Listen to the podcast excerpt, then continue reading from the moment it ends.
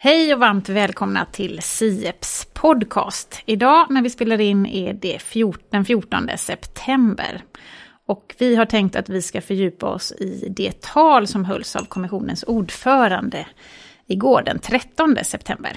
För varje år i mitten av september så håller ju kommissionens ordförande ett så kallat linjetal om tillståndet i unionen i Europaparlamentet. Och det kommer ju sen då att sätta agendan för det kommande året. Och det här talet brukar också följas upp av en debatt med, med partigrupperna i just Europaparlamentet. I år är det ju lite annorlunda eftersom det här är sista året på den här mandatperioden och vi har ett val till Europaparlamentet i juni. Och den här kommissionens mandatperiod tar också slut och de avgår ju då i mitten av nästa år. Så det här året kommer ju den sittande kommissionen att sikta på att komma i mål och avsluta det arbete som man har föresatt sig under den här femårsperioden. Jag heter Karin Flordal och är programledare för den här podden tillsammans med Gustav Olsson. Ja, och jag ska börja med att introducera våra gäster idag. Det är Rolf Fredriksson. Du är journalist och korrespondent och har bevakat Europapolitiken länge, framförallt för SVT. Och så har vi Göran von Sydow som är vår direktör här på Sieps. Välkomna. Tack, tack, tack så mycket. Och Eh, igår, som sagt, så samlades Europaparlamentet eh, efter sommaruppehållet och de samlades i Strasbourg. Och Ursula von der Leyen höll sitt linjetal om tillståndet i unionen. Och det här talet hade titeln Svara när historien kallar. Eh, och jag tänkte börja med ett, eh, att vi tar ett bordsvarv om era intryck av det här talet. Vad säger du Karin? Ja, alltså jag, jag tycker jämfört med tidigare år, de åren jag har lyssnat eh, lite mer noga, att det har varit ganska mycket hysch-pysch liksom, och spekulerande den här gången kring vad hon ska komma och ta upp. Jag tycker mig också ha hört rykten om att inte ens hennes, de andra kommissionärerna i kommissionen har riktigt vetat exakt vilka politikområden hon kommer att, att lyfta och inga utkast har läckt och sådär. Så att jag, det har jag tyckt var lite anmärkningsvärt. Mm, vad tycker du Gustav? Ja, jag får erkänna att det här var första gången som jag lyssnade på ett sånt här tal i sin helhet. Um, och uh, mina intryck är väl att det är ganska långt. Um, och uh, det är ett visst liksom staplande av grejer, punkter som betas av. Men sen är det ändå en ganska, hon hade en ganska elegant retorisk struktur, eller om man säger så. Hon, hon upprepade vissa sådana här nyckelfraser liksom som blev ganska slagkraftiga och hon eh, ville skapa trovärdighet med att framhålla sina kommissionens framgångar. Och hon ville väcka känslor med eh, en del gripande historier från Ukraina och hon pratade om, om Europas fantastiska natur som, som hon, eh, då hon gick över till tyska också, det kanske var lite mer poetiskt där. Och sen berättade hon om sina barnbarn också, ville liksom, så att hon hade tydligt, tydligt patos och etos. Eh, och om det fanns något logos kanske vi kan komma fram till här. Vad säger du Rolf? Jo men det, hon är energisk i sina framträdanden och ett tal som det här och det var ju väldigt genomtänkt, genomarbetat. Och i spekulationen hade du sagt att det skulle vara en upprep, av uppnådda resultat under hennes gångna mandatperioder. Det är knappt ett år kvar då fram till valet i EU-parlamentet. Men det var ju, jag upplevde det ju lika mycket som att det var en hel del framåtsyftande. Hon visar att hon har idéer, tankar om vad EU behöver jobba med, hålla på med framöver och att hon sa ju aldrig det, för det var ju också vad många satt och undrade här. Skulle hon tala om att hon kandiderar som ordförande i EU-kommissionen för ytterligare fem år när mandatperioden går ut om ett, efter EU-valet nästa år? Eh, det sa hon aldrig rakt ut, men man fick den känslan och när jag tittat på en del europeiska tidningar så, så kallar man ju det här att det här var ett anställningstal, ett kandidattal. Mm, och Göran då? Men jag håller nog med mycket om det, att det fanns ändå lite mer framåtblickande än kanske många hade trott i den meningen att ändå peka ut några breda linjer. Det var en tillbakablick och det var såklart att påminna om allt som man har uppnått och inte minst hanterat de här kriserna som har varit under de år som hon har lett kommissionen. Men samtidigt just det att peka ut några breda linjer just att det kommer som sista också, som du själv nämnde, att det inte finns så mycket kvar att göra lagstiftningsmässigt under den här mandatperioden. Det gjorde ju kanske att det där framåt blev lite mindre konkret och detaljerat. Annars skulle ju typiskt sett kommissionsordförande kanske presentera konkreta förslag. Nu ska vi gå fram med X, Y och Z på det här området som en lösning på det problemet. Så det blev ju lite också, ja, lite lösare i kanten och lite med de här breda linjerna. Det här med eh, kriget eh, i Ukraina, det har ju varit någonting som, som står i fokus över allt annat eh, nu sedan det bröt ut. Eller sedan Ryssland invaderade Ukraina. Och förra året, om man jämför det här talet, så tog ju det ganska stor plats i talet och kom också in väldigt tidigt. Den här gången kom det in ganska sent. Kan man, ska det tolkas på något särskilt sätt tror ni? Nej, det, det fanns ju som en viktig del. Hon gjorde ju ett engagemang om att Ukraina hör hemma i EU, att, att EU måste börja förbereda sig för att, att plocka in och ta in Ukraina som en fullvärdig medlem tillsammans med västra Balkan.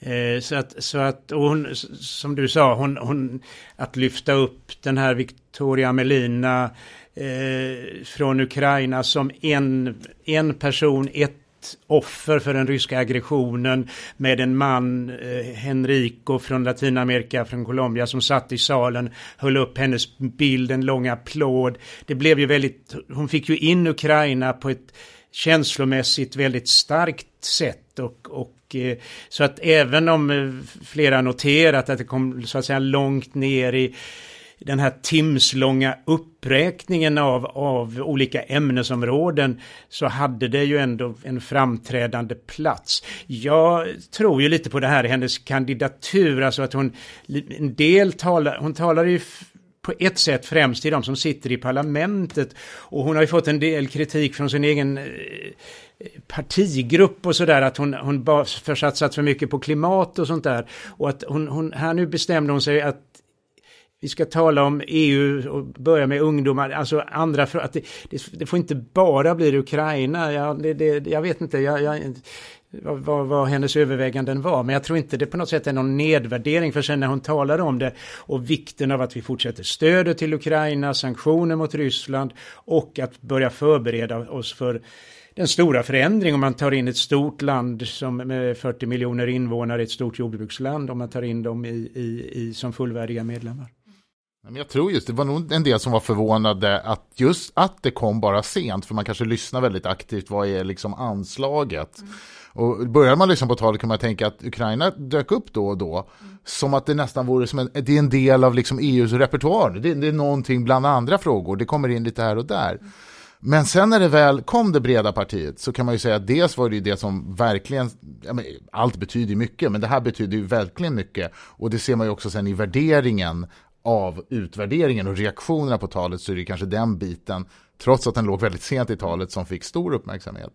Det som tror jag förvånade vissa var en del av de frågor, apropå det här med tidigt, det var ju till exempel att hon pratade om jämställdhet och föreslog till exempel eh, någon, någon form av, det är ungefär som vi kallar samtyckeslag på europeisk nivå. Det var nog många, apropå vem hon vänder sig till, där vände hon sig kanske inte primärt till sin egen då partifamilj och partigrupp utan snarare just visa på ett antal frågor där hon sträcker ut det här breda liksom an, an, an, vad ska man säga, liksom, talet till hela parlamentet och inte minst då de som är mer till vänster än vad hon själv mm. ursprungligen kommer ifrån. Mm. Vi var inne på att hon pratade ganska mycket om utvidgning.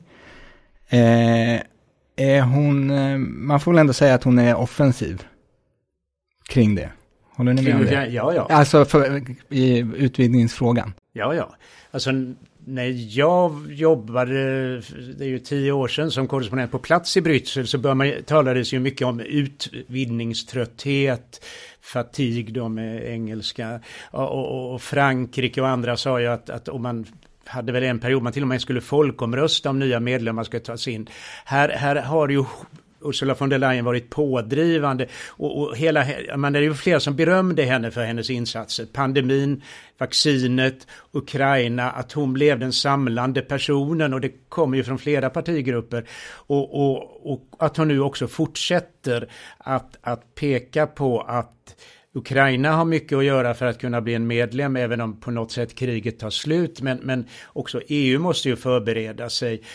Hon blir ju inte konkret där, för det handlar ju om sånt beslutsformerna. Ska det bli mera majoritetsomröstning i ministerrådet? Ska man överge enhällighetskravet med så över 30 medlemmar.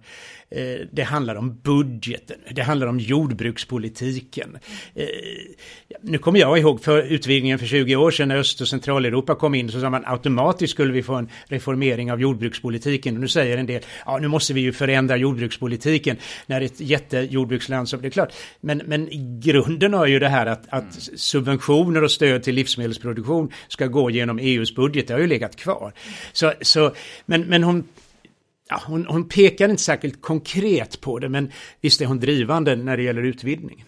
Jag tycker nog också det var ett starkt åtagande från hennes sida, att det här måste göras. Hon pratar mycket om att unionen ska byggas färdigt mm. och det betyder att även de som nu vill komma med ska också få bli medlemmar. Mm. Hon talar ju om att det är angeläget att hålla, upprätthålla tempo i de här processerna för Europaparlamentet som är typiskt en institution som gärna tänker att nu ska vi ändra fördragen, nu ska vi göra större reformer, så sa hon ju till den publiken att det ska inte uteslutas, men det får inte stå i vägen för den här utvidgningsprocessen. Man måste prata samtidigt om de här sakerna och hon påminde ju där om att EU ofta har utvidgats och fördjupats samtidigt.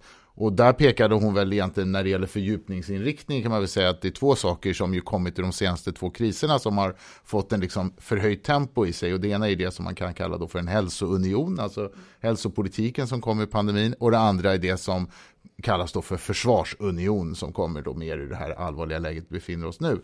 Och det var väl de områdena som hon pekade ut på, här ska vi fördjupas, men då sa hon samtidigt Kanske till de som menar att nu måste EU förändras för att klara av att utvidgas. Så sa hon, men vi har klarat många saker som 27 medlemsstater. Så det finns inte jättemycket som talar för att man inte ska kunna klara det även om man är 30 plus. Mm. Så det var väl ett sätt att säga till de här kanske mer iv, de som ivrar starkt på reformer att det är inte nödvändigt att man måste göra det.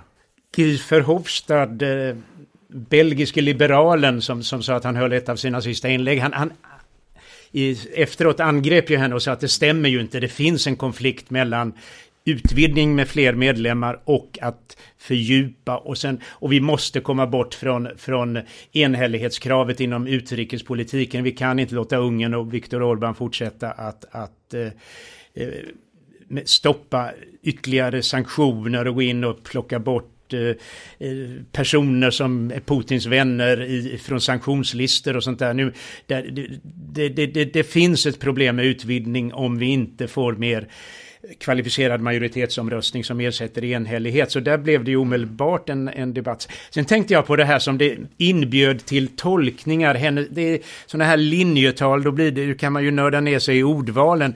På engelska då som jag hörde det så sa han ju att we have to complete uh, the union. Och så räknade hon, och den svenska översättningen såg jag sen var fullbordad den officiella.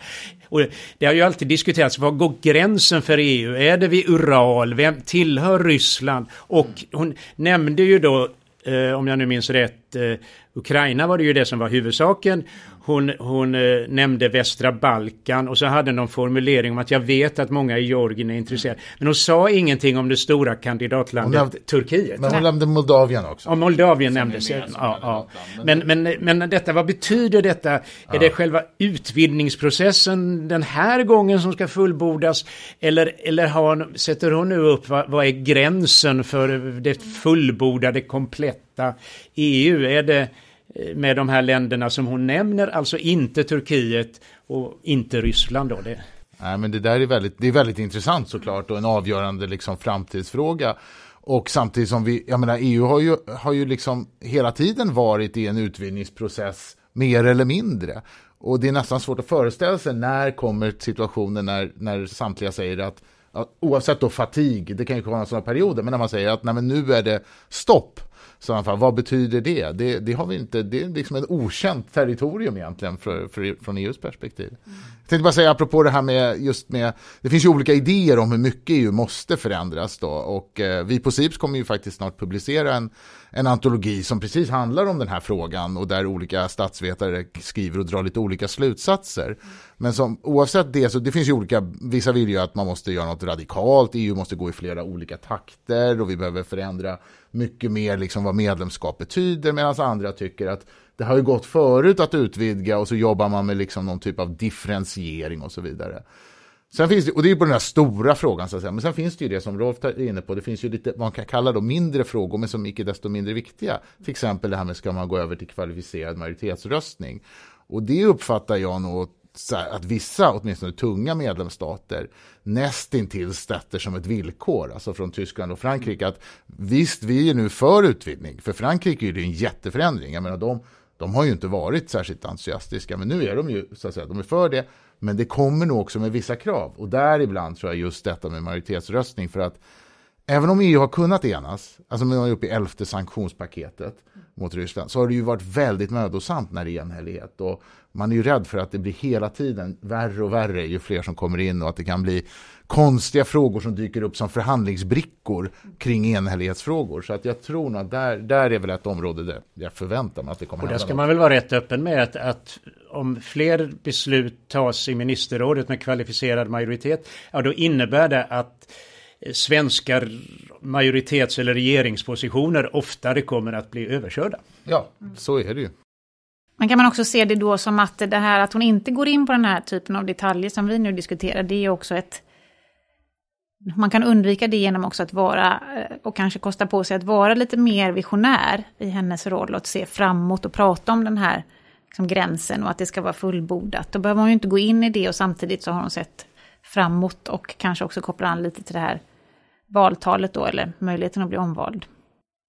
Ja, men kanske då att det håller öppet för det. Om man jämför till exempel när eh, Jean-Claude Juncker höll sitt sista när han slutade, då var det så uppenbart att han inte skulle fortsätta. Mm. Så då kom han ju med en del mer kanske just konkreta idéer om saker som rör det här, typ EUs styr, alltså sätt att styras och så vidare. Mm. Så här kanske man kunde tolka in att hon lämnade lite öppet för att det är ju ändå så att det ska ju vara ett val till Europaparlamentet och den övergripande politiska viljan ja den kommer ju ändå påverkas lite både av det och också hur det ser ut i medlemsstaterna. Det är ju inte kommissionens ordförande som så att säga ensamt kan bestämma det. Så att det var väl, hon är å ena sidan tydlig och klar med vissa områden men inte särskilt eh, precis alltid. Nej.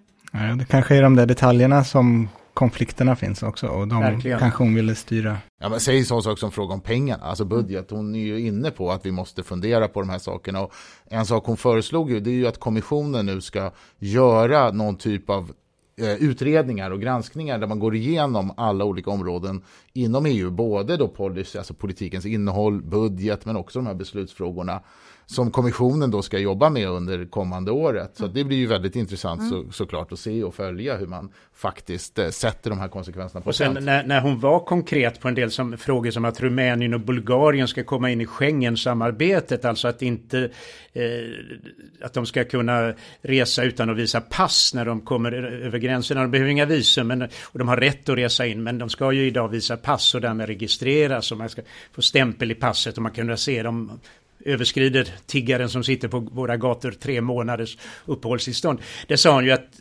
Bulgarien och Rumänien är kvalificerade, de har ordning på sina gränser. Men det kom ju genast idag när jag såg österrikiska tidningar nu dagen efter att jätteprotest från regeringen i, i, i Österrike. Det är inte tal om att upphäva eh, eller ta in eh, Bulgarien och Rumänien i Schengensamarbetet. Så när, hon, när det blir konkret, då, då, då dyker de här konflikterna upp på en gång.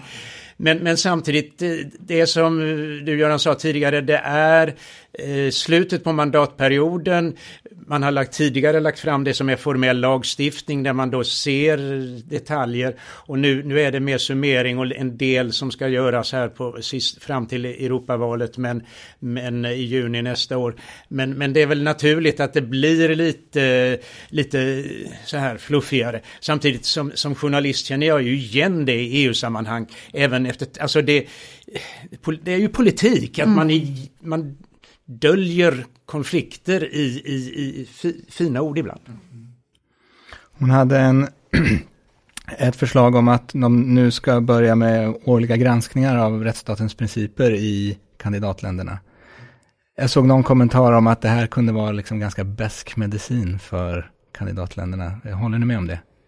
Säkert. Alltså det, hon sa det ju som något väldigt positivt. Nu knyter vi er närmare genom att ni får också vara del av den här eh, processen. Men det är klart att det, bakom det ligger ju en stor farhåga som har funnits kring utvidgning. Alltså är de här länderna redo? Har deras ja, domstolsväsende, demokrati, korruption och allt det här, är det tillräckligt reglerat? För också att erfarenheten, alltså en del av den här utvidgningströttheten som Rolf talade om, den handlar ju om att förra stora utvidgningen skedde till länder som uppfyllde alla kriterier vid tidpunkten när man blev medlemmar. Men sen händer någonting i dessa länder, till exempel urholkning av rättsstatens principer och så vidare, som gör att man liksom eh, går bakåt. Och det där gör ju att man vill sätta ett väldigt hårt tryck för att bli klara. Och när det gäller rättsstatens principer så var det ju inte något annat sammanhang som hon lyfte det i själva talet. Däremot fick hon ju många frågor kring detta. Många kanske tyckte att hon borde har nämnt de länder som är, går tillbaks, men det kan man väl också se, mm. apropå det här med att kanske bli återvald. Va? Hon, hon, kan ju inte stöta sig för mycket med medlemsstater i det här läget. Men däremot fick hon ju då när hon, när hon gav sitt svar på de här frågorna och inläggen från Europaparlamentariker, ja, då var hon ju lite tydligare och faktiskt betonade vad man har gjort och varför det här är viktigt, att kommissionen arbetar väldigt aktivt. Till exempel det här med villkor då för budget och så. Jag satt också och lyssnade. Kommer hon att säga Polen och Ungern att, de, att kommissionen har anmält dem för att de brister i rättsstatens principer, alltså domstolars oberoende framför allt, eh, även mediefrihet och universitetens oberoende. Eh, men, det gjorde hon ju inte, det var i den här passusen när hon talade egentligen om, ja, om, om rättsstatens principer, att nya medlemmar ska få möjlighet att delta i den här årliga granskningen. Och, och, och så nämnde hon and current members, alltså nuvarande, eh, critical for future and current. Där fanns det, men att då säga, nämna Polen och Ungerns regering om man ska bli utnämnd av, av ett europeiskt toppmöte med regering och statschefer för, som kandidat som eh, kommissionens ordförande så man ju, är man ju borta från med Lissabonfördraget att det ska vara enhällighet där. Det räcker, visst har jag rätt, kvalificerad majoritet. Men du vill ju ändå ha, ha eh, ja, du vill inte stöta dig, du vill ha så bred enhällighet. Så där, det, det är ju sån här typisk ja, diplomatisk försiktighet. Hon, hon sa inte länderna Polen och Ungern någon gång egentligen. Inte tror jag heller i svaren. Även om hon där lite mer engagerat talade om det här att man har dragit in EU-stödpengar mm. till vissa länder och den mekanismen har införts och den kommer vi fortsätta att använda eller vad man sa. Ja, om vi då ska hoppa över till att prata, ha ett lite mer svenskt perspektiv och det hon pratade om, eh, vilket var, vad var det som var viktigt för Sverige och kan ha någon påverkan på Sverige för vår del? Så tänkte vi på till exempel det här med långsiktig konkurrenskraft som var en prioritering för det svenska ordförandeskapet. Det lyfte hon ju i sitt tal. Hur kan man eh, tolka det? Har vi gjort avtryck, det svenska ordförandeskapet? Jag tolkar det väl dels lite som det, men att det är tacksamt att ta upp för att i hennes egen partigrupp, EPP, alltså kristdemokratiskt borgerliga gruppen eller moderata gruppen, och Manfred Weber, han har ju klagat på att klimatpolitiken, den gröna given, klimatomställningen sker för mycket på industrins bekostnad. Att man måste mer ta hänsyn till vad jobben och industrin och företagen klarar i Europa. Och där hon då eh, vände det som att nu, ja, det var, det var jag tror det var mer ett spel mot de kritiska rösterna att hon är för mycket klimataktivist än att det var en hänsynstagande till den svenska regeringens ordförandeskap i, i ministerrådet. Utan det här, men eh, så när hon talar om, om eh, konkurrenskraften och, och, det var väl där hon ska tillsätta italienaren Romani Draghi som, som, som ska utreda det här. Sen, sen, sen, sen jag tycker det är så svårt. Vad är det man menar? Alltså det, det blir, där är det verkligen svårt att bli konkret. Vad är det man menar att öka den europeiska konkurrenskraften? Ja. Va, va, va, så är det, och det var ju som ni säger, det var ju den här kanske viktigaste svenska prioriteringsfrågan och där man försökte då, har ju försökt och fått kommissionen att mm. skriva medan det är nya mekanismer och metoder som ska jobba med det här, men det, det är ju lite sån här kvardröjande fråga. Vad exakt kommer det här då egentligen leda till? Och mm. mer än att man inleder nya processer. Men då var det ju intressant då att hon nominerar Mario Draghi och hade väl någon sån där referens till uh, hans kända whatever it takes uh, uttalande. Super. Mario. Super Mario. I Europeiska centralbanken in, innan han blev italiensk premiärminister. Men det som är väldigt intressant är väl, jag tror precis som Rolf, alltså hon väver ju samman väldigt mycket. Hon pratar mycket om den gröna given. Mm.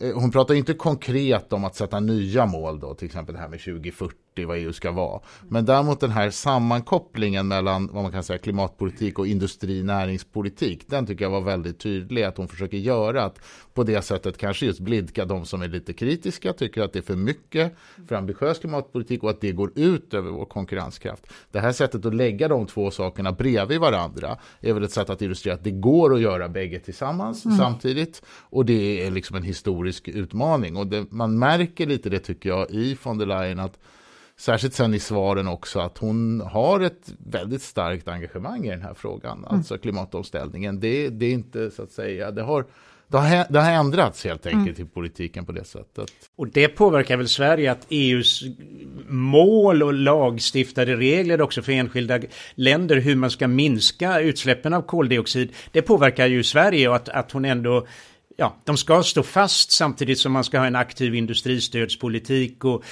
kanske hon vill ha mer EU-pengar för investeringar i grö utveckla grön teknik, att europeiska företag ska vara ledande i grön teknik och sådär. Men, men de här målen för det, det går ju rakt in i vad svenska regeringen nu sitter och håller på med, med reduktionsplikt, hur den ska ligga i bensin, ska plastpåseskatt höll jag på att säga.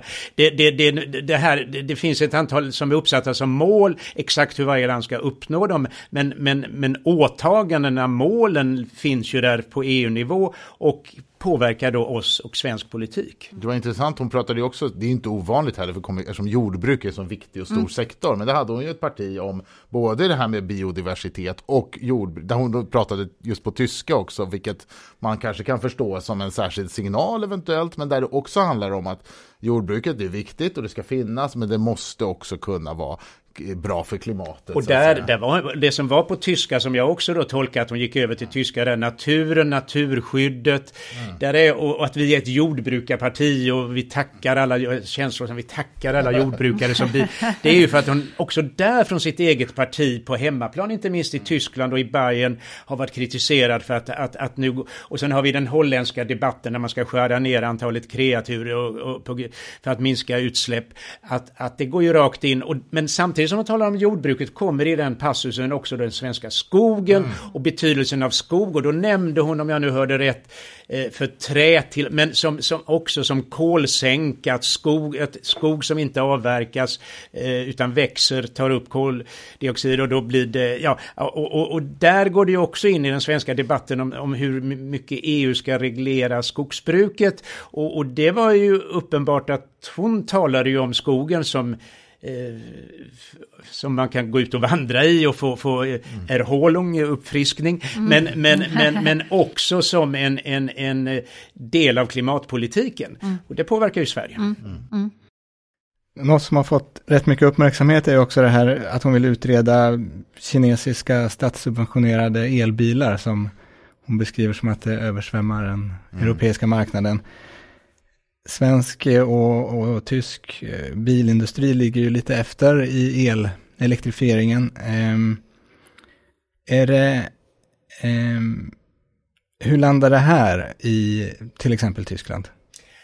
Ja, när man nu dagen efter kollar tyska tidningar så är det ju snarare, oj då, jaha, det här, för, för man, man, kan ju tro att den tyska bilindustrin som har legat efter eh, skulle applådera det, men många det jag läser i tidningarna är ju snarare farhågor. Handelskrig med Kina ligger inte i Tysklands intresse som mycket av deras industriproduktion använder importerade maskiner och sånt där, använder delar som är importerade från Kina. Tysk och kinesisk ekonomi har blivit väldigt sammanvuxna och sen pekar man dessutom på att när den tidigare kommissionen försökte införa handelsrestriktioner mot billiga solpaneler från Kina. För när hon talar om det här med att solpanelsindustrin konkurrerades ut så var det speciellt i Tyskland. De verkligen investerade i att bygga solpaneler.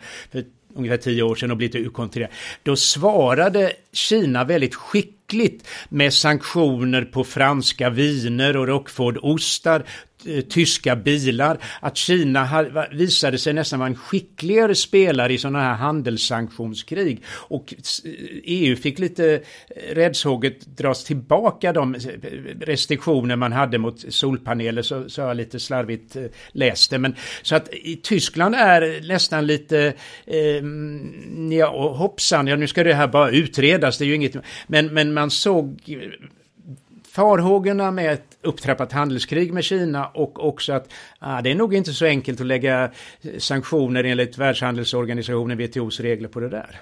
Nej, men det är nog precis så. Det, det, återigen tillbaka till det här, när, när hon blir konkret så blir det också reaktioner. Just mm. det här förslaget som jag förstår har ju till exempel Frankrike varit ja. mer angeläget om att ha. Mm. Alltså det vill säga de är mer angelägna att det här ska bli den här typen av utredningar då om att det är statssubventioner för att stärka helt enkelt den europeiska produktionen. Och det, det var ju ganska mycket om Kina. Det har ju von der Leyen också utmejslat och tror jag fått ganska mycket gehör för den här nya förhållningssättet där hon talar mycket om att minska riskerna då, de-risking på engelska, att vi ska titta på sårbarheter. Hon pratar ju mycket om liksom ekonomisk motståndskraft och industripolitik och i det så nämner hon ju också att vi kanske behöver gemensam finansiering för industripolitik. Så att apropå saker som kan vara lite, rimma lite sämre med svenska intressen så tror jag att det här ligger i det området som ju ofta brukar ligga i, i, i hörnan där vi är framförallt mer för frihandel och inte så positiva till en interventionistisk industripolitik på europeisk nivå. Så det finns ju sådana inslag här eh, i den här. Och det, det gäller ju även kring, till exempel kring det AI-området som hon pratar ganska mycket om också. Ja, och i samband med att vi pratar om, eh, om de här frågorna så nämnde hon ju också att, eh, att den eh, omställningen i Europa ska också vara Made in Europe. Hur kopplar det an till det här? Det är nog lite det jag menar, det här med att tänka på liksom självförsörjning och vad är det för någonting som behöver produceras i Europa för att minska det som är osunda beroendeförhållanden. Mm. Och det är väl lärdomar både från pandemi eller från det ryska invasionskriget att kontrollen över vissa nyckelteknologier, essentiella varor, om de är väldigt koncentrerade till andra aktörer som ibland kan ha ett liksom antagonistiskt förhållningssätt så gäller det att Europa ser över då. Och det handlar ju om det här med de här kritiska råvarumaterialen till exempel. Så, och där har ju redan den här kommissionen gått fram med mycket saker. Och för nu är det väl angeläget då från kommissionens eh, synpunkt att det faktiskt blir verklighet av de här förslagen också. Det är ju ja, batterifabriker, halvledare, chips, mm. eh, kritiska råvaror. Eh, man har ju pekat ut ett antal områden och det, det ligger ju i linje med den här franska statstänkandet eh, mer och, och så, så, på vissa områden möjligen kan det funka med Sverige men, men, men stora Ja, det själv, motståndarna kallar ju det här sovjetisk eh, stats eh, femårsplaner och sånt där att det funkar inte att man ska låta marknaderna sköta. Men, men jag menar pandemin, avspärrning och sånt där, det visade ju, då, då blev det ju ett uppsving för det här att vi måste inom vissa områden sjukvårdsmateriel, sjukvårdsutrustning, vacciner. Vi måste bygga upp egna kapaciteter och eh, eh det, det där strider ju mot svensk, vad traditionellt svenskt tänkande. Hon aviserade ju också att man ska titta i alla, de kallar det för ekosystem, alltså alla liksom värdekedjor. Ja. Ska man nu, branscher, ska man då börja göra sådana här utredningar kring sårbarheter. Men den andra sidan av det som kanske var mer då tilltalar eh, särskilt företag och eh, näringsliv var ju att man också ska jobba mycket med det här regelförenkling, att ta bort regelbörda. Men det är också ett sånt här återkommande begrepp som, ja. som kommer då och då, men det är kanske lite svårt att se exakt hur det här ska gå till. Eh, en sak som jag höjde lite på ögonbrynen åt var när hon pratade om eh, arbetslöshet och arbetstillfällen. Att eh, hon menar att det är inte arbetslösheten som är problemet utan att det är alla arbeten som letar efter personal. Eh, och så föreslog hon också, eller planerar ett möte i, i Val d'Uchesse eh, med eh, arbetsmarknadens parter för att hitta bättre matchning. Um, och det här med Val var en liten nyhet för mig som inte är riktigt... det är viktigt för belgarna har jag förstått också. Det är, det är ett, något slottsliknande byggnad i utkanten av Bryssel där de har, och det, de, de har haft lite his, för förhållandevis historiska möten där. Precis, hon refererade väl där till Delors och att det är 40 år sedan ja, och sådär. Men, och det är klart att man ser på liksom parterna, alltså det har ju varit en del som är viktig såklart för europeisk ekonomi. Och, men de kanske inte har en så framträdande roll nu för tiden i alla fall på EU, på EU-nivån. Så att det här var väl ett sätt att tilltala även den gruppen om man så och, säger. Ja, exakt, va? lite vänstersidan, ja. eh, Socialdemokraterna. Men jag såg ju det som en fortsättning på Göran Pers, eller Stefan, eh, Stefan Löfvens eh, toppmöte i Göteborg. Eh, det var ju ett socialt toppmöte där då parterna, alltså fackföreningar på europeisk nivå arbetsgivare och branschorganisationer träffas. Och, och även där i Göteborg diskuterar man ju väldigt mycket det här. Mismatch heter det ju i svenska, att, att det stämmer. Jag var också lite förvånad under talet. Jag var tvungen att börja googla där. Men vad, vad ligger arbetslösheten på och sådär då? Och, och, fick jag nu hur, så, så har den väl på sista tioårsperioden i Europa har den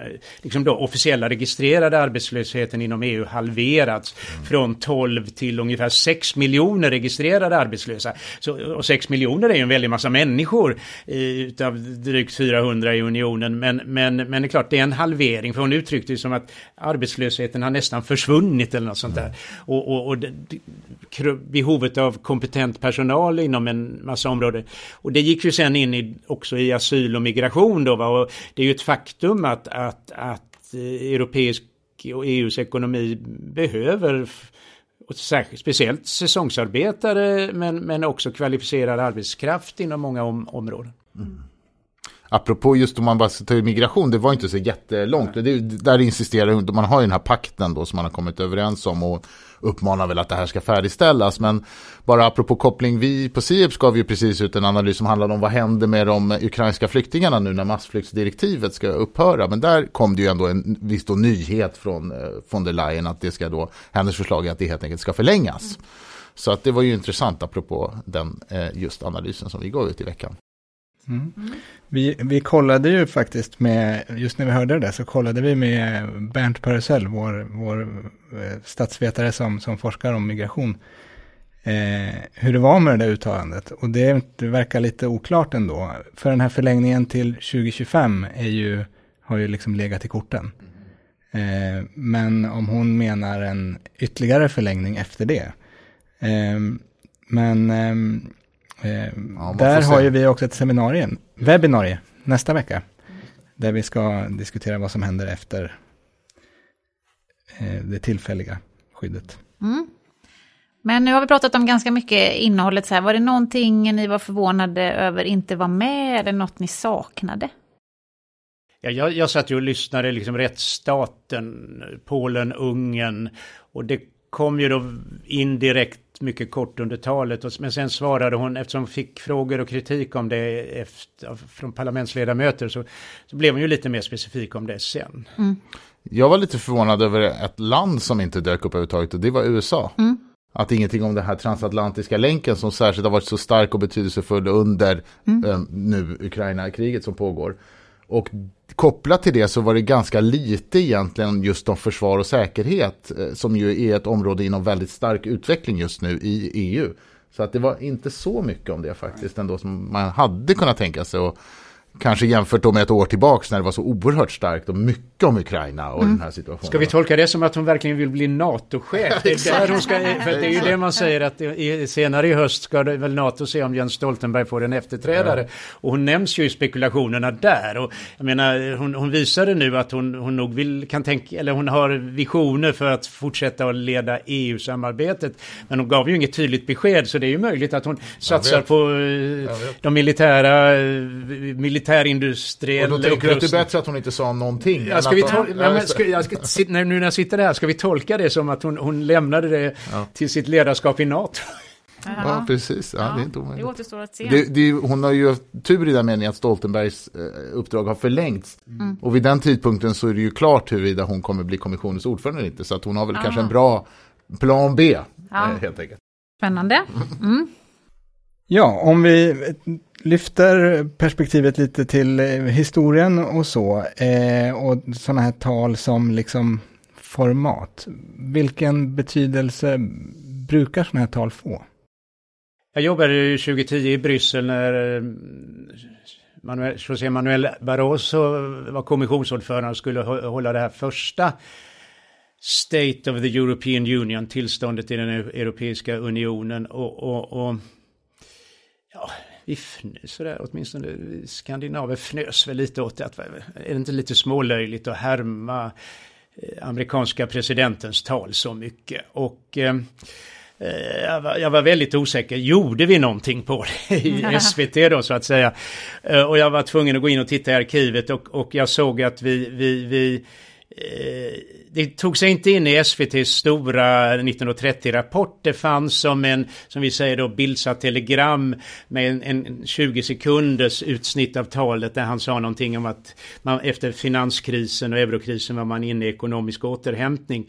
Och, och det kom i Aktuellt 21. Och sen, men, men, men det var nästan ingenting och när jag gick in i DNs historiska arkiv så var det en insida kritik mot att han inte angrep, tog avstånd från rasism eller något sånt där. Det, det var två spalt, alltså ganska litet tidnings. Sen har det väl med åren vuxit eh, jag menar trägen vinner, håller man på så sätter sig ett format delvis. Och sen uppfattar jag väl också att kommissionen arbetar väldigt mycket mer med att få PR och sånt där runt omkring det. Eh, att, att sändningen igår var snyggt bildsatt om man tittade på kommissionens webbsändning. Det var ämnesområden, det var inte bara hon som stod i talarstolen.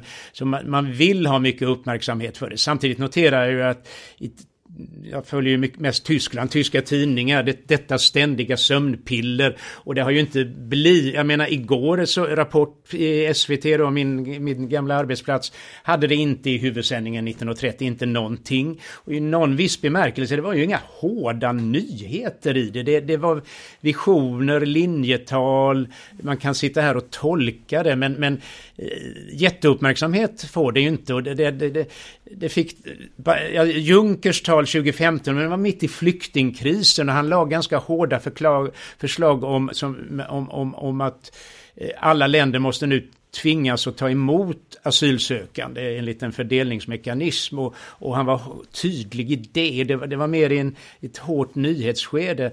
Eh, så att det är klart, det, det som vi hade ju bara för några dagar sedan regeringsförklaringen här från den svenska regeringen, Ulf Kristersson. Det, det är också en sån där lång, bred uppräkning. Klart den får väldigt mer, även om det är kända saker, får den betydligt mer uppmärksamhet. Mm. Så det är klart jag skulle tycka att man ska ha mer. Men, men, men samtidigt, jag tror ju för EUs institutioner, trägen vinner, håller, mm. håller det tar, det tar tid innan något blir en riktig tradition. Sen är det klart, det, det, det är alltid bra om man kan krydda något sånt här med någon riktigt brännande skarp nyhet. Mm. Samtidigt kan man ju säga att jag menar, Ursula von der Leyen som kommissionsordförande har ju liksom höjt synligheten ja. på många sätt. Hon mm. som person och företrädare och inte minst genom de senaste årens kriser. Mm.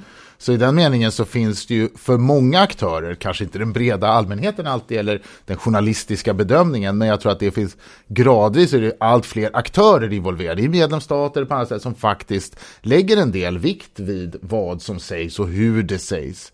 Även om det inte är jättemycket konkret. Så att mm. jag tror nog ändå gradvis eh, så kommer det här få en, en ja, mer. Ganska, mer, mer, någon mer uppmärksamhet när man inser hur mycket som faktiskt är av, av stor vikt. Mm.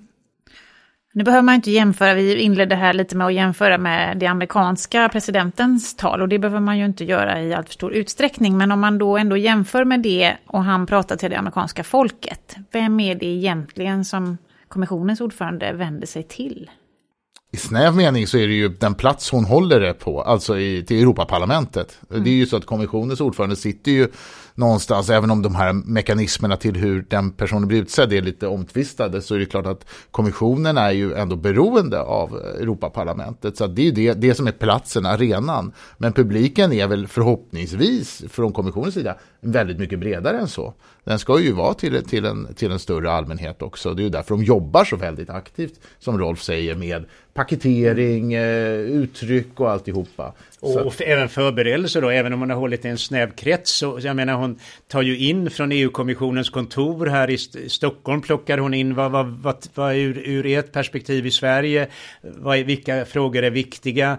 Hon bjuder in ambassadörer till middag för några dagar, någon vecka före, känner av, träffar mm. säkert massvis med människor, eller hennes medarbetare mm. för att få input, idéer på, på, på, vad som ska komma. Jag var faktiskt inbjuden förra året, men inte i år, inför ett sånt möte. Men jag ska väl säga att en väldigt viktig skillnad är ju att den amerikanska presidenten är folkvald. Ja. Alltså det är ju mm. ändå en central skillnad, att då talar man ju till sina väljare. Mm. Eh, kommissionens ordförde har ju inga väljare. Alltså, alltså i, i hennes felsägning där, ja. lite skämtsamma, säger möjligen något. Vem vänder hon sig till? Ja. För hon skulle ju då säga honorable members, ärade medlemmar av Europaparlamentet, men hon, hon sa ju honorable member states, ärade medlemsstater. Mm. Så, att, så att jag tror det. Hon talar i vissa avseenden väldigt konkret till eh, parlamentet och att de ska... Och det är ju, formellt är det ju att hon lägger fram en arbetsagenda, vilka lagstiftningsärenden kommer att komma på parlamentets bord. Det är väl det formella, men, men det är också bredare, mm. också mm. medlemsländerna. Mm. Mm. Jag var inne på att det var ganska osvenskt, ett sånt här tal. Eh, och kommentarer från Tyskland, men är det jag föreställer mig, Frankrike, hur, hur reagerar de där? Vet du det? Jag kan inte svara på det faktiskt, hur de reagerar där. Men eh, det är klart att det kan ju finnas någonting i, i retorik som, om det är det du menar, att det påminner kanske att man använder en lite mer abstrakt retorik då, eller högstämd retorik som är kanske lite mer vanlig i vissa andra, till exempel i franska eh, liksom politiska tal och sådär.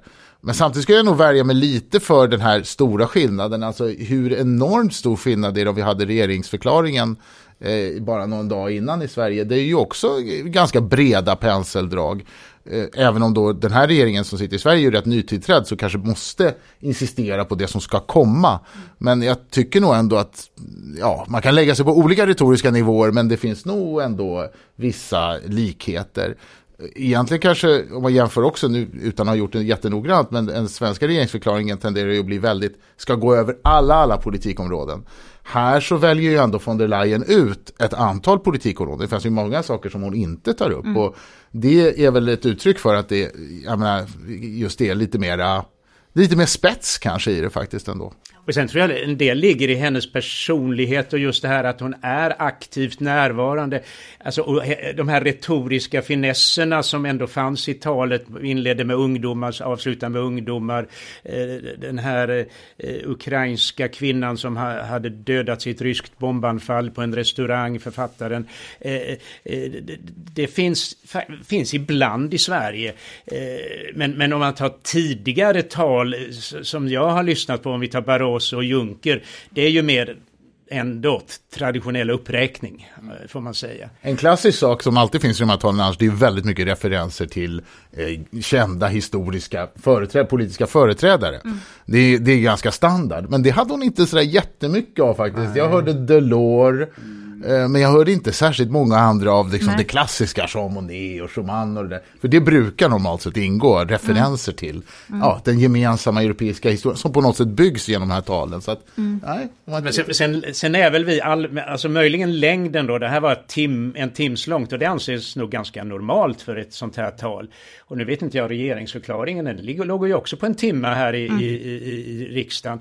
Sen har jag alltid, alltså sen jag, att vi svenskar är korta och otåliga. Jag hör alltid den gamle landshövdingen i Norrbotten, Ragnar Lassinantti, han sa, han höll allt, jag menar, ska jag, om han var i Tornedalen där man var vana vid lästadianska predikningar som val, varade i tre timmar. Talar jag under en timme så är det dåligt. Då, det har jag, då tror de att jag inte har något att säga.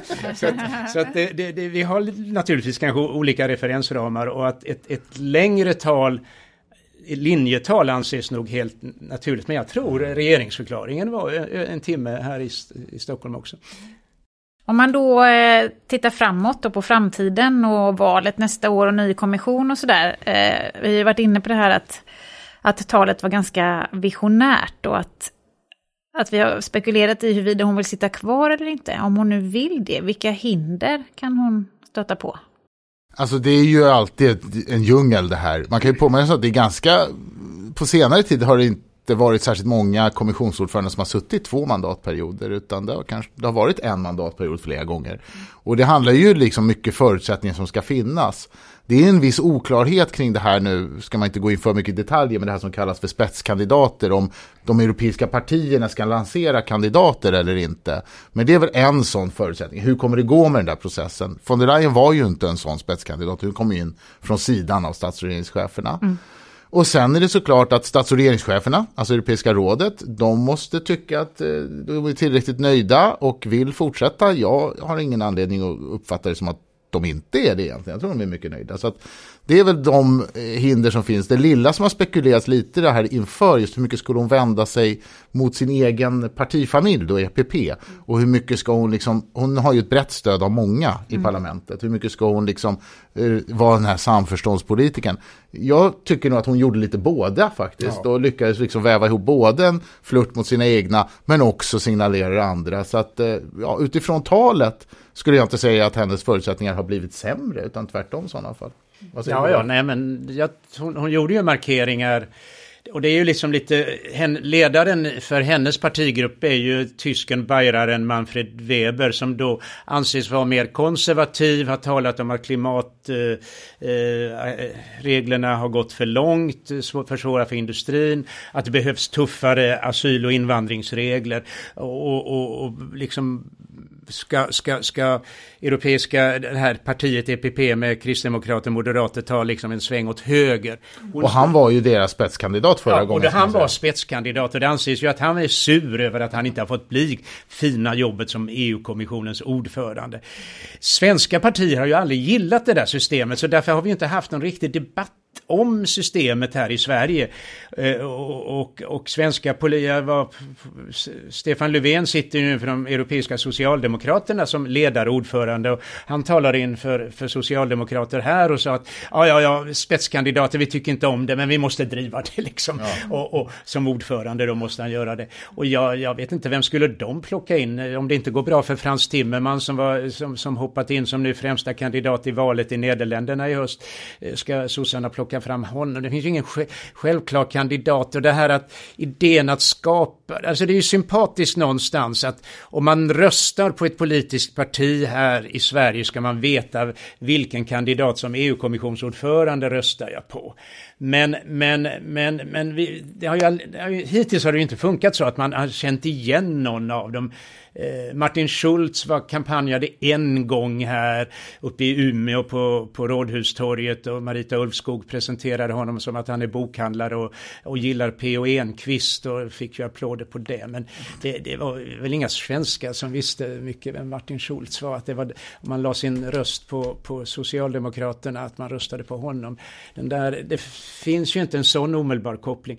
Nej men jag tror att, att hon eh, vill hon vara kandidat. Men sen, sen så har ju då partierna i EU-parlamentet har ju låst fast sig i att det här är ett bra sätt att, att få ökat intresse tror man för eh, EU-parlamentsvalet och, och göra det tydligare hur demokratin fungerar. Och, och, riktigt hur de ska... Det är nästan ett problem Nej. för partierna. Och det kommer ju lite bero på hur det faktiskt går i Europaparlamentsvalet mm. också. Nu har det ju varit att den största partigruppen har haft king så att säga på ja. kommissionsordförandeposten. Men dels vet vi ju inte exakt hur det blir och vi vet inte hur sammansättningen kommer i slutändan bli.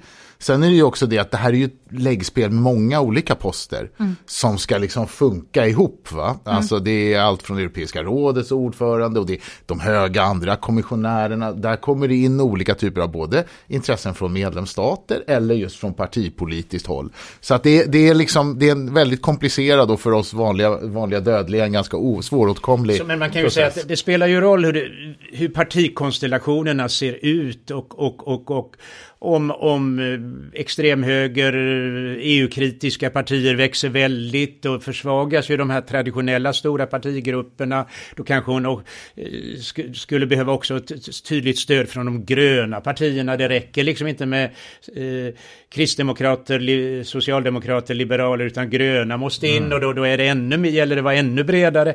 Och, och, och eh, så EU-parlamentsvalet har betydelse för vem som blir kommissions... Men sen också hur det går i ett antal europeiska nationella val här mm. framöver Nederländerna, Polen, eh, vilka regeringschefer som sitter där och ska vara de då som nominerar en, en kandidat till EU-kommissionen och sen ska EU-parlamentet välja eller godkänna så att säga. Och så är det intressant att hon ju som kommer från Tyskland, nu har ju Tyskland då istället en socialdemokratiskt ledd regering, så det kan ju också förändra hur hårt, så att säga, hur mycket kommer man insistera på det här. Så att det, är ju, det kommer helt enkelt bli väldigt... Det, det är samma, samma fråga som här i Sverige, kommer den nuvarande sittande borgerliga regeringen eh, med Sverigedemokrater eh, som stödparti vilja ha Ylva Johansson en kommissionärsperiod till? Låt inte. Om man tittar generellt sett just kommissionens sammansättning efter, det är ju långt kvar, men mm. det brukar ju spegla lite hur majoritetsförhållandena i medlemsstaterna är och nu mm. kan man väl säga att ett antal val har gjort att det är lite mer högerlutande mm. över, på många ställen runt om i Europa. Så det, finns det någon förväntan så skulle jag säga både för Europaparlamentet att det kommer gå lite åt höger, men också hur kommissionen sen ser ut. Det har ju varit flera ledande företrädare i kommissionen som har mer varit då liberaler eller socialdemokrater i den här sittande kommissionen. Så det är väl något att hålla span på, eller ja, vad säger ni? Ja, verkligen. Ja, det är jättespännande. Precis. Vi tar och rundar av med den framtidsspaningen tror jag. Ja. Eh, och vi ska avsluta med att påminna då om att vi har ett eh, webbinarium om eh, massflyktsdirektivet och vad som händer efter det. Vi har också en Europapolitisk analys på ämnet som finns att ladda ner och man kan anmäla sig till webbinariet på vår sajt. Och sen har vi också nämnt den här kommande antologin, Göran. Fit for 35. Just det. Vill du säga några ord om den?